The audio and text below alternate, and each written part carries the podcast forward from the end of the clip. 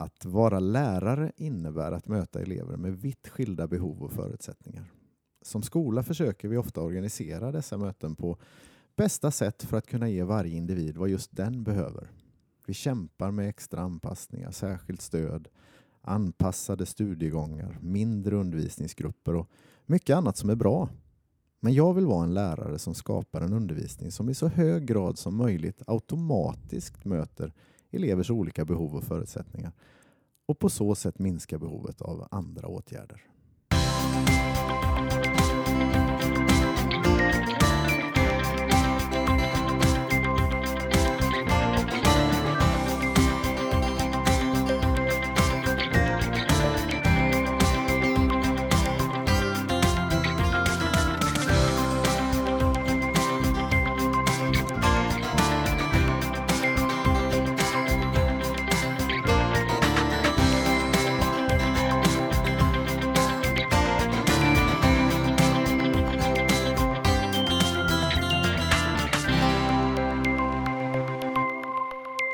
Hej och välkomna till podden Jag vill vara en lärare som.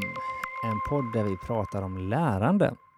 Och vi som gör detta heter Daniel Johansson och Daniel Dahlström. ja, och vi jobbar båda som SO-lärare på Furulidsskolan i Aneby. Mm. Mm. Hej! Hej Daniel. Ehm, idag laddade jag på lite i mitt intro där, märkte du det? Ja, det var bra. Mm. Mm. Hur ska vi reda ut det här idag? Jag har ingen aning. eh, jag tänker som vanligt, jag brukar ofta säga det till mina elever, att vi lär tillsammans och att det är bra att be andra människor om hjälp. Jag brukar springa och fråga mina kollegor om hjälp hela tiden. Mm, det är ju en kultur vi vill ja, bygga. Ja, så vi anammar väl även här i podden, tänker jag. Vi lever som vi lär. Ja. Så vi har faktiskt bjudit in en gäst idag. Det har vi gjort. Det är nog Mm. lite tur det tror jag om vi ska reda ut det här. Mm. Eh, Ida Nekowski är med oss idag. Mm. Specialpedagog här på vår skola. Mm. Välkommen Ida. Tack. Trevligt att vara här. När jag var inne och kikade på din hemsida, spkskola.se heter den va? Mm. Så hittade jag lite sköna citat sådär att du har ett brinnande intresse för skola och det som kan få skola och människor i den att utvecklas optimalt. Det kopplar ju snyggt till mitt intro här. Ja, det hör ju ihop, absolut. Mm. Och att eh, det här med att anpassa undervisningen så att den gynnar alla elevers hälsa, lärande och utveckling skriver du också om där. Mm. Så eh, det här känns ju som en perfect match idag Ida. Mm. Mm. Ska vi börja med att du får presentera dig lite kanske? Ja, men det Eh, kan jag göra. Vi har redan nämnt att du är specialpedagog här på Furulidsskolan i Aneby. Precis. Hur länge har du varit det? Jag har ju arbetat här på Furulidsskolan s- i fyra år. Mm. Just det. Snart fem. Snart fem, Mm. så är det. Och innan det? Ja, innan det så arbetade jag i Göteborg på Bergsjöskolan, bland annat. Eh, varit på lite olika skolor.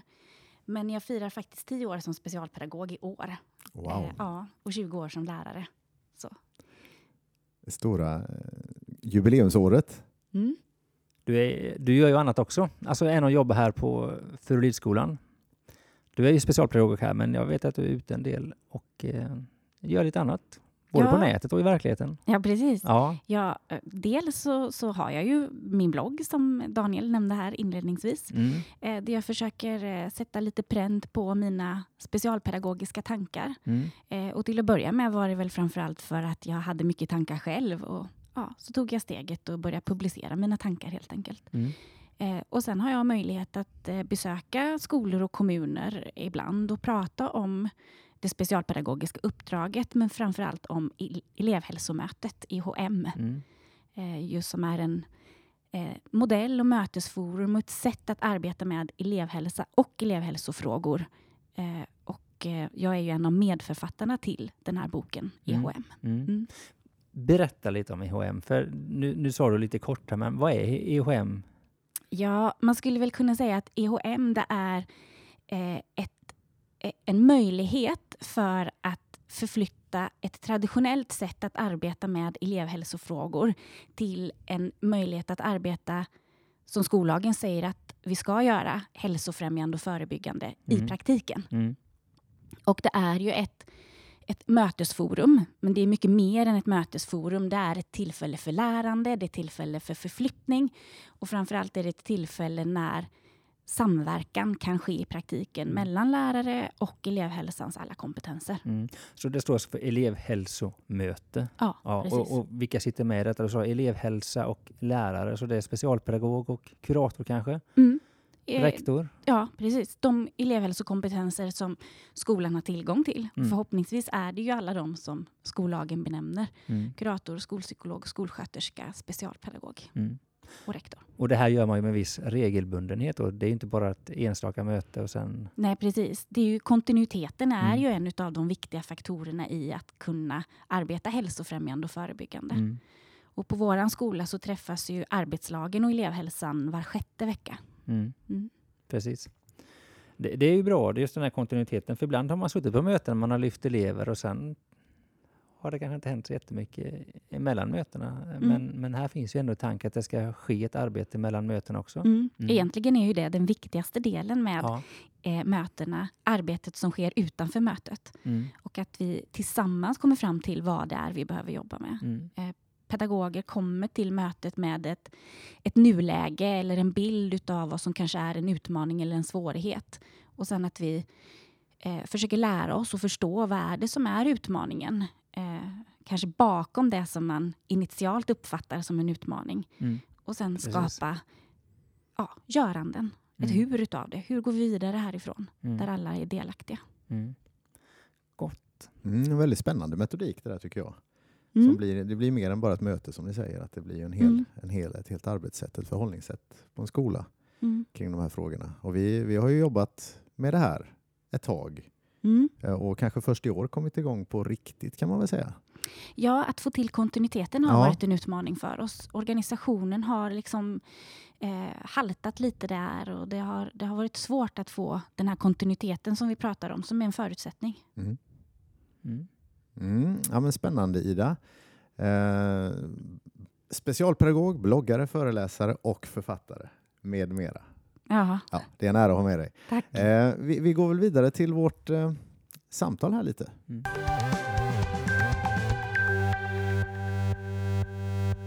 Ska vi, ska vi börja med någon sorts teoretisk grund kring det vi ska göra idag? Jag, jag pratar om att vara en lärare som, som automatiskt skapar en undervisning som inkluderar många elever och sådär oavsett behov och förutsättningar och sådär. Men vi kanske måste börja i lite för, alltså teori och eh, förhållningssätt här.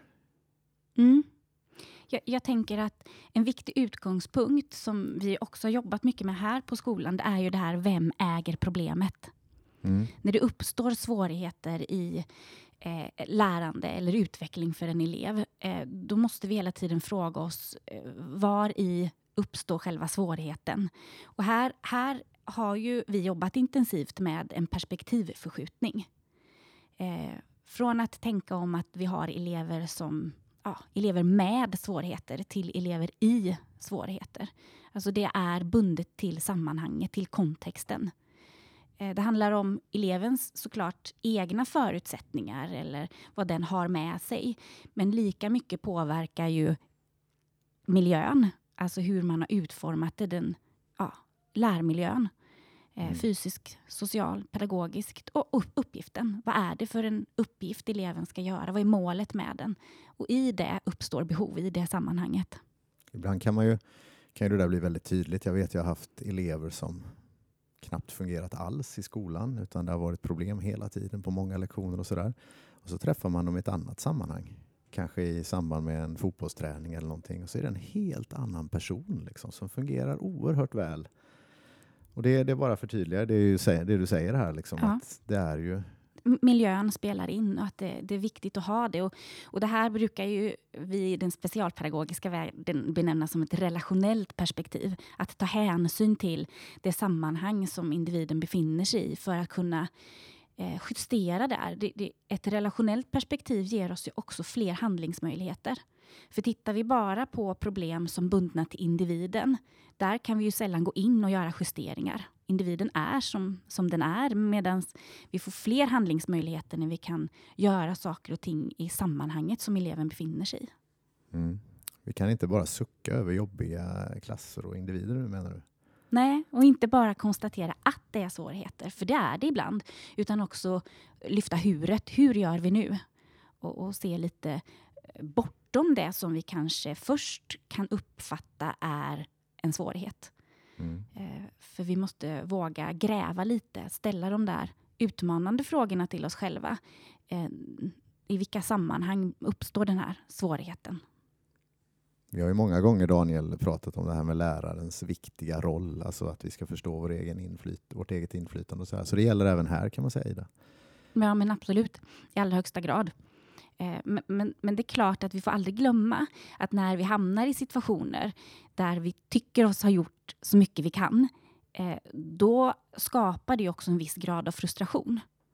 Och den frustrationen eh, i sin tur skapar ju att vi, vår kreativitet på ett sätt minskar. Och då behövs ju det här tillsammansarbetet. Eh, och att jag tänker i den specialpedagogiska yrkesrollen eh, är en viktig uppgift för mig att komma in och försöka tillsammans med läraren se utifrån. Mm, mm, för att inte säga gör på ett sätt eller gör på ett annat sätt utan tillsammans titta på vad är det vi gör och vad, vad leder det till. Mm. mm. Bra. Där, där tänker jag ju ofta att, eh, jag vet inte vad du möts av för bild av en specialpedagog, men ibland så tänker man att en specialpedagog kanske är den som ska komma och fixa situationen. Ge mig de här nycklarna, ge mig de här tipsen, ge de här övningarna. Eller, eller kanske till och med att jag kan skicka bort eleven i fråga till dig. Så. Men det är, det är ju en traditionell bild Ja, och tyvärr så ställer ju det här lilla ordet special till det. okej. Jag besitter inga specialkunskaper kring att kunna fixa svårigheter kring elever. Utan mitt fokus handlar ju om att, att vi tillsammans ser över lärmiljöer. Eh, att få syn på saker och ting som eh, kanske vi inte har sett innan. Eh, och, och titta på dem i ett utifrån perspektiv så att säga. Mm. Men sen, skollagen säger ju att, att, upp, att arbetet ska ske på individ, grupp och organisationsnivå. Så det betyder ju inte att man ska blunda för att elever kan ha svårigheter, att vi behöver stötta på individnivå. Absolut inte. Nej. Men vi behöver kunna se alla tre delarna. Mm. Bra. Jag tänker på Ida, jag har blivit inspirerad av vissa saker du har pratat om här på vår skola och, och eh, du har en modell med två trianglar kan man säga, pyramider som, som, vi liksom, som jag tycker klargör väldigt mycket i, i det här tänkandet kring lite vad, vad jag nämner i introt idag, att, att skapa en undervisning där många fungerar automatiskt. Liksom. Mm. Kan, kan du försöka förklara den här visuella modellen? Ja, jag tror att du tänker på en modell som, som jag kallar eh, behovstrianglar som eh, är framtagen av SPSM, Skolinspektionen och Skolverket eh, från Mm. första början. Och den här Kan man hitta dem någonstans om Ja, man skulle leta efter dem? Jag på tänker, Skolverket på kan Skolverket man finns hitta de. dem. Ja, Ja. precis. Eh, Så att eh, de, de vill ju synliggöra och vill visualisera hur vi, när vi, vi skapar en tillgänglig lärmiljö eh, där vi kan möta så många olika behov som möjligt eh, faktiskt minskar behoven av insatser på individnivå. ja. Eh, och att det är en viktig sak att tänka på det för att insatser på individnivå eh, är ju ofta av exkluderande karaktär och vi är Mm. inte heller alltid säkra på att de leder till resultat. Vi gör någonting, men eftersom lärande sker i ett sammanhang, och att inte vara en del av ett sammanhang gynnar sällan hälsa och lärande. Mm. Okej. Om vi på något sätt ska försöka synliggöra de här trianglarna för lyssnarna så kan man väl säga att den, den första triangeln är ganska spetsig och har inte så bred bas. Mm. Eh, och det betyder alltså att ganska många individer går utanför det som fungerar i det vanliga sammanhanget. Liksom. Det är många som sticker upp där uppe. Medan dit vi vill sträva är en, en lite, vad ska vi säga, en, en, en triangel med bredare bas där fler elever fungerar i den vanliga undervisningen. Liksom Mm. och inte så mycket blir extra anpassningar eller särskilt stöd. Nej, precis. precis. Så kan man se de där två trianglarna lite grann framför sig. Mm. Liksom. Mm. Mm. Och det, en del i det här som, som vi pratade lite om tidigare är ju att, att i den här spetsiga triangeln eh, där det finns ett stort antal elever som är i behov av åtgärder av ingripande karaktär, som våra styrdokument kallar det. Mm. Eh, där eh, har vi ju en, en organisation där stor, stora resurser behöver läggas på elever. Eh, där det kanske handlar om att undervisa en till en eller ha individfokus. Eh, så det är inte bara en bild av hur vi ska kunna bredda basen. Det är också en bild av ett förhållningssätt skulle jag vilja säga. Mm. Mm.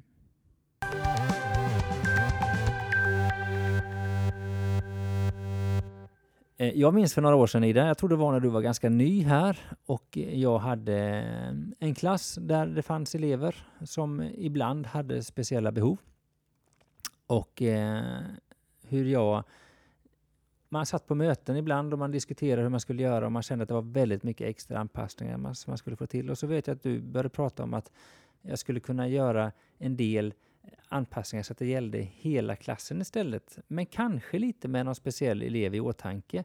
Och jag började med det här. Jag vet att jag började bli mycket mer strukturerad. I det här fallet så handlar det om att jag kanske var mer strukturerad med att skriva upp tider på tavlan när vi skulle börja och sluta. Och man eh, skrev upp vad vi skulle göra eh, på lektionen. Något som jag inte har gjort så mycket innan. Och det här hjälpte både mig och jag märkte att det hjälpte hela klassen. Och jag insåg att det här som jag kanske först hade tänkt på som en extra anpassning, det blev inte en extra anpassning utan det blev ett naturligt sätt för mig att jobba med klasser som jag idag gör med alla klasser jag har. Jag tycker det är viktigt med de här ramarna.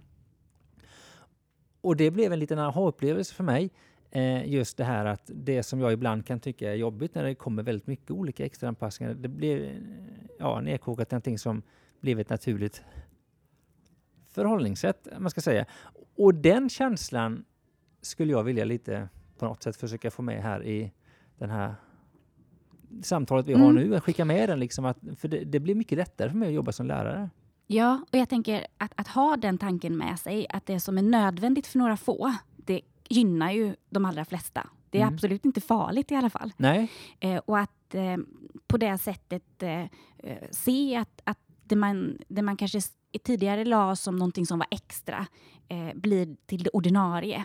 Mm. Och att det är ett sätt att försöka få till ja, ledning och stimulans för alla elever. Mm. Eh, och att det här exemplet som du har visar ju att även om vi har många elever med svårigheter i en klass. Eller om vi tittar på eh, när vi själva utvärderar och analyserar hur vi arbetar med extra anpassningar så kanske vi ibland kan se att det finns grupper där eh, pedagogerna upplever att det är stora behov av extra anpassningar. Mm. Och när man tittar på de här så är det ungefär liknande anpassningar man upplever att det finns behov utav. Mm. Och då är det ju viktigt att okej, okay, hur kan vi använda det här och förändra undervisningen i stort istället mm.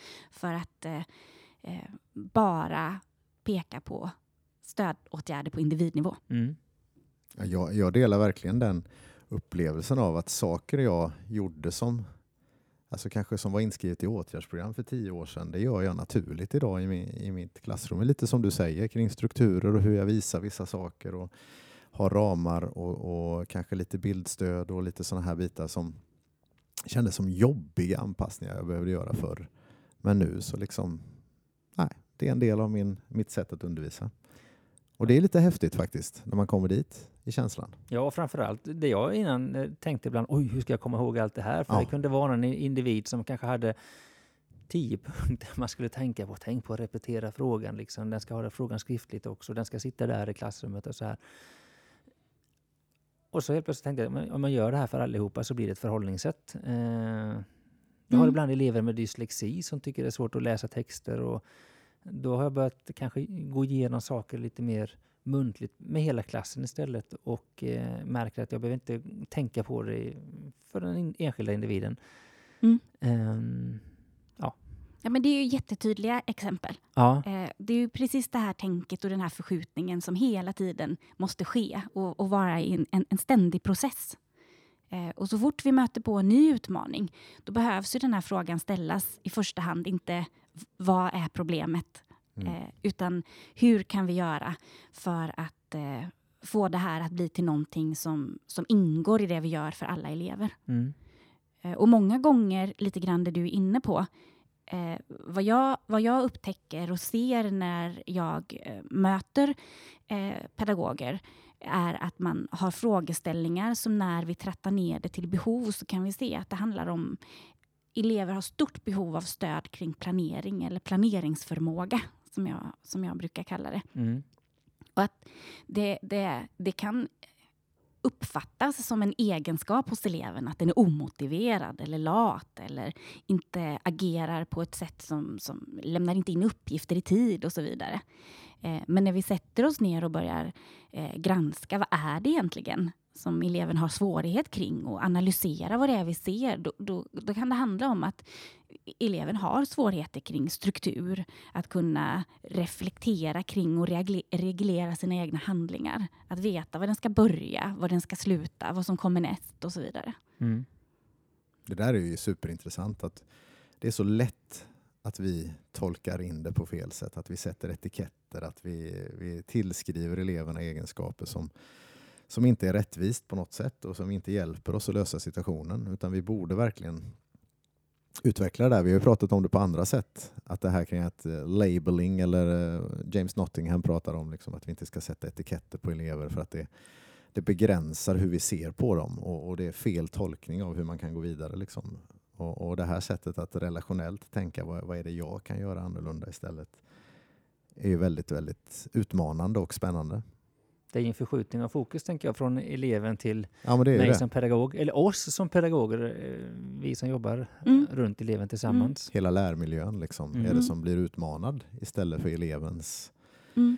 egenskaper. Eller ja, tillskrivna egenskaper. Och, och egentligen det vi pratar om nu det är ju förskjutningen från det kategoriska tänket till ett mer relationellt tänk. Mm. Och, och i ett kategoriskt tänk där man kanske i första hand tillskriver svårigheter som individen bär, eller individbundna svårigheter, då, då blir det också eh, frågeställningar som handlar om eh, vad är felet hos eleven? Eh, vi vill, vill ha svar genom diagnoser och så vidare.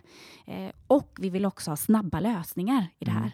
Men i ett relationellt perspektiv så handlar det om att vi tillsammans försöker se eh, var behoven uppstår, men också att vi vågar eh, pröva oss fram. Mm. Ta oss tid och pröva oss fram eh, och också ha fokus på det som fungerar. På det, inte risk, utan på frisk. Mm. Bra. En väldigt utmanande situation ibland kan ju vara när man sitter ner som ett arbetslag och märker att en och samma elev fungerar fullständigt normalt i ett sammanhang, i ett ämne med en lärare. Men det är totalt kaos på en annan lektion. Och så ska man sitta och samtala med det om det, till exempel på ett EHM, ett elevhälsomöte. Ehm, sådana situationer kan ju vara väldigt speciella att hantera. Liksom. Hur, hur ser du på det? Nej, men till att börja med så tänker jag att det, det är ju i grunden så oerhört positivt. Inte att det inte fungerar, men att det fungerar på olika sätt. Det är samma sak när vi möter föräldrar som säger att vi ser inte det här hemma. Det, det ni beskriver är inte vårt barn eller tvärtom. Att det är i grunden positivt. För då vet vi att det finns situationer som vi så att säga kan härma och försöka efterlikna så att det fungerar för eleven. och samtidigt, just det exemplet du tar är en av de varningsklockorna jag tänker ibland. För ofta är anledningen att då finns det inga ramar alls hemma. Har jag ibland sett. Men absolut. och det är svårt att härma. Men, men jag förstår vad du menar. Men om det skulle fungera i hemmet och ja. inte i skolan. Så att, ja, absolut. Det är klart att man måste bruka urskiljning och vi, vi hemma är hemma och vi ska, vi ska ju vara professionella. Mm. Men jag tänker att vi behöver inte vara så rädda för att det ser olika ut utan istället se det som en möjlighet att, att det är miljön, återigen, som spelar roll och spelar in och hur vi väljer att organisera undervisningen, upplägget på lektionen, ämnet. Eh, och, och, ibland kanske vi kan se ett mönster att i vissa ämnen, fördelen hos oss är ju att vi har ämneslärare som gör att vi kan eh, jämföra i vilken olika miljöer eh, där eleverna träffar olika pedagoger i olika ämnen. Att det faktiskt kan fungera eh, bättre i ett ämne och i ett annat inte. Det kan vara ämnesspecifika svårigheter som eleven har. Men det kan också handla om att det finns ämnets karaktär gör det mm. svårt att göra ett upplägg i undervisningen som möter elevernas behov. Och då, då får vi ju möjlighet på ett EHM till exempel att tänka tillsammans om det. Men jag anar ett förhållningssätt även här då, liksom att, att vi fokuserar på vad som faktiskt funkar i olika sammanhang och försöker lyfta in där, där det inte funkar istället för bara fokusera på, på problematiken då, tänker jag. Ja, men precis. Och det är ju det här som, som jag ju pratar om som salutogent. Mm. Mm. Eh, den, den tanken att vi behöver på något sätt eh, hela tiden eh, lyfta det som verkligen fungerar. Eh, och det är en utmaning, för det är mycket svårare för oss att göra det. Mm. Av, av liksom tradition så tittar vi lätt på det som inte fungerar och vi vill ha enkla lösningar Mm. istället för att fokusera på det som fungerar och våga jobba med lite komplexa samband. Mm. Det, det är ju väldigt spännande, tänker jag, om vi kunde lyckas bygga en kultur där vi lärare faktiskt vågar erkänna när det går bra för varandra också.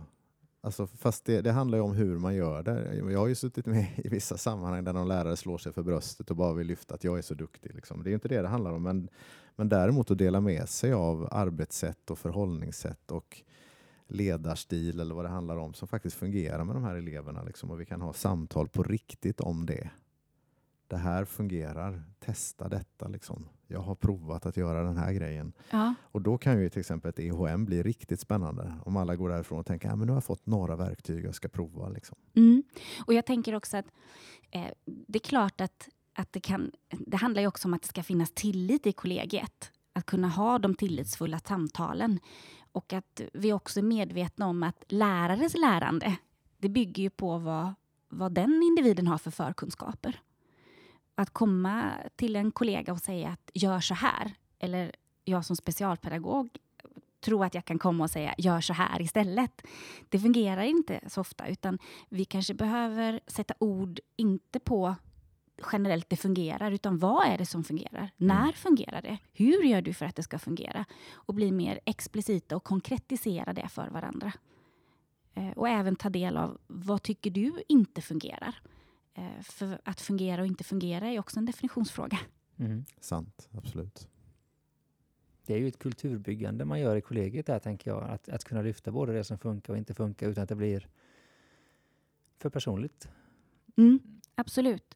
Eh, Och i den specialpedagogiska yrkesrollen, då brukar jag benämna det här som processkompetens. Mm. Eh, Men det är ju en kompetens som jag tänker att, att den behöver finnas överhuvudtaget på skolan, kollegor emellan. Eh, Lika väl som vi har kunskap om hur elever lär, behöver vi ha kunskap om hur vi lär av varandra och hur vi lär tillsammans. Mm. Eh, Att det blir jätteviktigt eh, för att få till förändring. Att det, det, det, det kan behöva ta tid. Vi måste utgå ifrån var, där var och en befinner sig Mm. eh, vilka förkunskaper, erfarenheter och så vidare. Och när, när vi hittar de vägarna att kunna hjälpa varandra i den här processen, då kommer det i sin tur ju leda till den här tillgängligheten och vi på sikt kan ha mindre fokus på individen och att den smala pyramiden eller den snäva pyramiden, den minskar. Så Mm. mycket av det här handlar om hur vi arbetar tillsammans i, med varandra och varandras lärares lärande. Mm.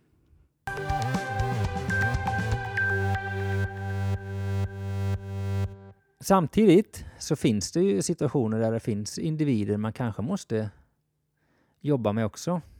Allt, alltså vi pratar om den här pyramiden, gör den så liten som möjligt, men det finns ju ändå en liten spets på den här pyramiden som sticker upp. Mm. Nej, men, Eller? ja, och det får vi aldrig glömma bort. Nej. Att det är så det ser ut. Och vi får inte vara rädda heller för att behöva arbeta på individnivå. Eh, och att göra justeringar som, som kan eh, eh, handla om eh, att eh, anpassa tillfälligt, kanske hur elev, vad eleven har, en, en anpassad studiegång tillfälligt och så vidare. Mm. Men att det är viktigt att de besluten måste grunda sig på en grundläggande, eller grundlig kartläggning Mm. eh, där man också analyserar vad det är vi ser. Mm. Att man liksom gör en pedagogisk bedömning. Mm. Återigen pratar vi om att det är för att synliggöra komplexa Mm. samband. För det kan ju hända att den eleven, att vi ibland blir för snabba, att vi både ställer frågan och har svaret i samma andetag. Mm. Okej. Eh, Men, men absolut, det finns tillfällen när vi behöver göra det. Det ska vi heller inte liksom, sopa under mattan på något Nej. sätt. Nej. Så, så ser det ut. Och vi har ju det kompensatoriska uppdraget också i skolan, att vi, vi som pedagoger ska arbeta kompensatoriskt. Men ibland så kan ju det kompensatoriska uppdraget leda till, kan jag uppleva, att vi glömmer att arbeta med att utveckla elevens förmågor. Mm. Eh, och vi tar igen då planeringsförmåga som ett exempel. Mhm. Det är lättare för mig som pedagog att ge eleven en, en, en färdig uppgift kanske och den gör det och jag kan få in resultatet lite snabbt. Än att ta mig tiden att hjälpa eleven att utveckla strategier för att utveckla sin planeringsförmåga. Eh, och då handlar det om att behöva gå in och jobba på individnivå, absolut. Det där, det där tycker jag jag brottas ganska mycket med, liksom när man ibland försöker anpassa efter elever och sånt där. Tänka, hur ska det gå sen när de inte är kvar på vår skola och har de här anpassningarna? Hur mycket ska man träna egentligen att, att de blir självgående? Och Mm. hur, mycket, hur mycket medveten är man om, Mm.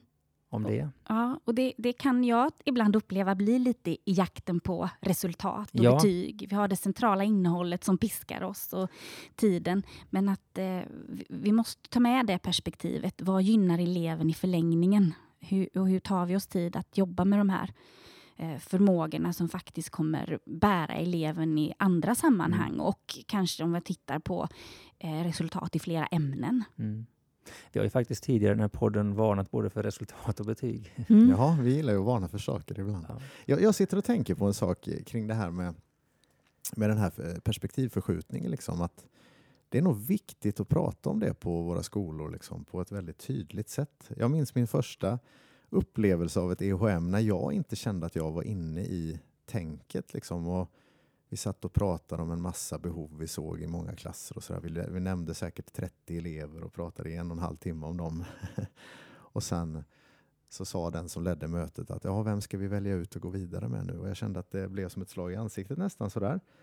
Men med den förståelse jag har idag kring hur vi jobbar med det här så är det ju en hel, ett helt annat sätt att tänka. Liksom, där, där det, ja, men just det här det, det, det, det finns ju en spänning mellan det här att, att man riktar då insatserna nu liksom kring min insats som lärare, liksom vad jag kan utveckla.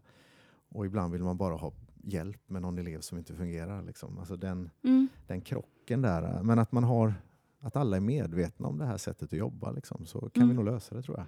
Nej, men för det som är svårigheter på individnivå kan ju i- alla fall alltid lyftas till att bli någonting som vi tittar på. Vad kan vi göra kring det här i lärmiljön? Mm.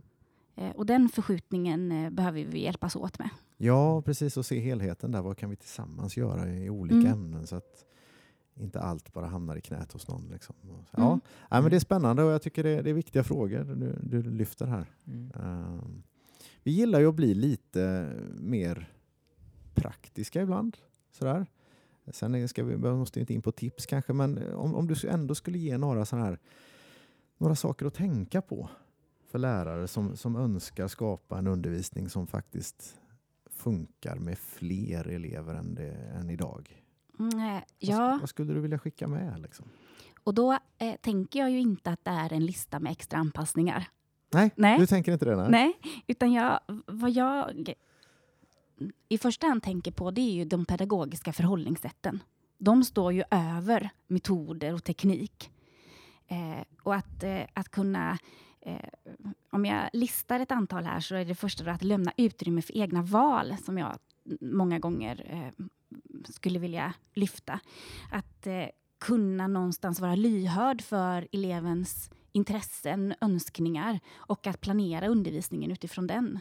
Eh, då ger det också möjlighet för eleven att på ett bättre sätt behärska undervisningen och att eh, ja, en känsla av kompetens, att bli lyssnad på och också en känsla av tillit skapas i undervisningen. Då. Mm. Och återigen, det vi har varit inne på, att hålla utkik efter styrkor. Att titta efter det som fungerar och bygga vidare på det. För i även den mest nattsvarta situationen så finns det saker som fungerar. Eh, och det eh, blir också en möjlighet att eh, ja, när situationen som har varit svår fungerar, det, den, den känslan eh, vinner ju alla på. Den är ju fantastisk. Och jag tänker att vi hittar forum för att dela det med varandra. Det blir så lätt att man går till en kollega när något har varit skit. Liksom. Men att, att springa till varandra och säga vet du, idag fick jag det att Mm. funka. Liksom. Mm, precis. Och att leta de nycklarna där. Liksom. Ja, och låta de här framgångsberättelserna få vara lite levande. Det Ja, gör ingenting om precis. vi... Ja, framför mer skryt. Gött, Mm. Bra. men med känsla. Ja, Ja. såklart. såklart. Ja, men jag tänker också på det här att vara lösningsfokuserad. Det, det hör ju ham- samman med det här att spana efter styrkor. Men eh, om man fokuserar på det man vill uppnå snarare än det som inte fungerar. Att, att det inte fungerar är en sak, men att spana efter hur det kan fungera är en annan sak. Mm. Eh, att, att, eh, jag möter ju, nu har ju jag möjlighet här på skolan att, vi, eh, att träffa er, eh, ja, alla klasslärare och jag som specialpedagog har ett möte var tredje vecka på ett, ett regelbunden eh, träff. Och då är det många gånger de här punkterna jag lutar mig emot i samtalen. Mm, och då kan det ju vara så att konstateranden, det fungerar inte. Nej men okej, nu gräver vi lite i det här. Och, och då, då behöver det kanske inte gå så långt heller. Vi behövde inte gräva så djupt egentligen, utan vi hittar någonting där. Och i det också att bryta ner helheter till mindre steg. För om vi tänker oss att vi, vi har en elev i årskurs 7 och vi tänker att den här eleven kommer inte klara eh, målen till årskurs 9. Vi måste ändå bli medvetna om att någonting händer ju här på vägen. Mm. Att bryta ner det, göra han, de här processerna mer hanterbara och överblickbara. Och synliggöra det som ändå sker. Ja. Det tänker jag också. Och även för eleverna synliggöra det. Ja. För att, eh, Ett F är ju inte bara ett F. Nej. utan Mm. Det kan, Men ett enda litet steg i taget istället för att stressa Ja, eh, ja. fram någonting eh, längre bort. mm. Att, att vi vågar vila lite i det och vila i vår kompetens. ja, det är Mm. bra. Och den, den sista jag tänker på är att eh, skapa återigen den här känslan för eleven att lyckas. Mm. Därför att eh, någonstans så, så, så måste vi kunna vara så pass professionella att vi kan få, få, syn, få syn på det. Mm. Och sen förmedla det till eleven. Att, Ja, eh, fånga upp det också tänker jag. ja, Och ibland kan man också synliggöra det för eh, klasskamraterna. mm, Sådär, lite snyggt att Mm. man plockar upp det som verkligen gick bra Mm. för en elev som ofta misslyckas. Liksom, Mm. Att det också får synas där. ja. Och det- bygga en, en generös atmosfär Mm. kring att det där är vi gläds positiv åt förstärkning ja, är ja, men verkligen. utgångspunkten helt enkelt. Nej, men det, det är väl mer de pedagogiska förhållningssätten som, som jag tänker blir viktiga att bygga på. Mm. Mm.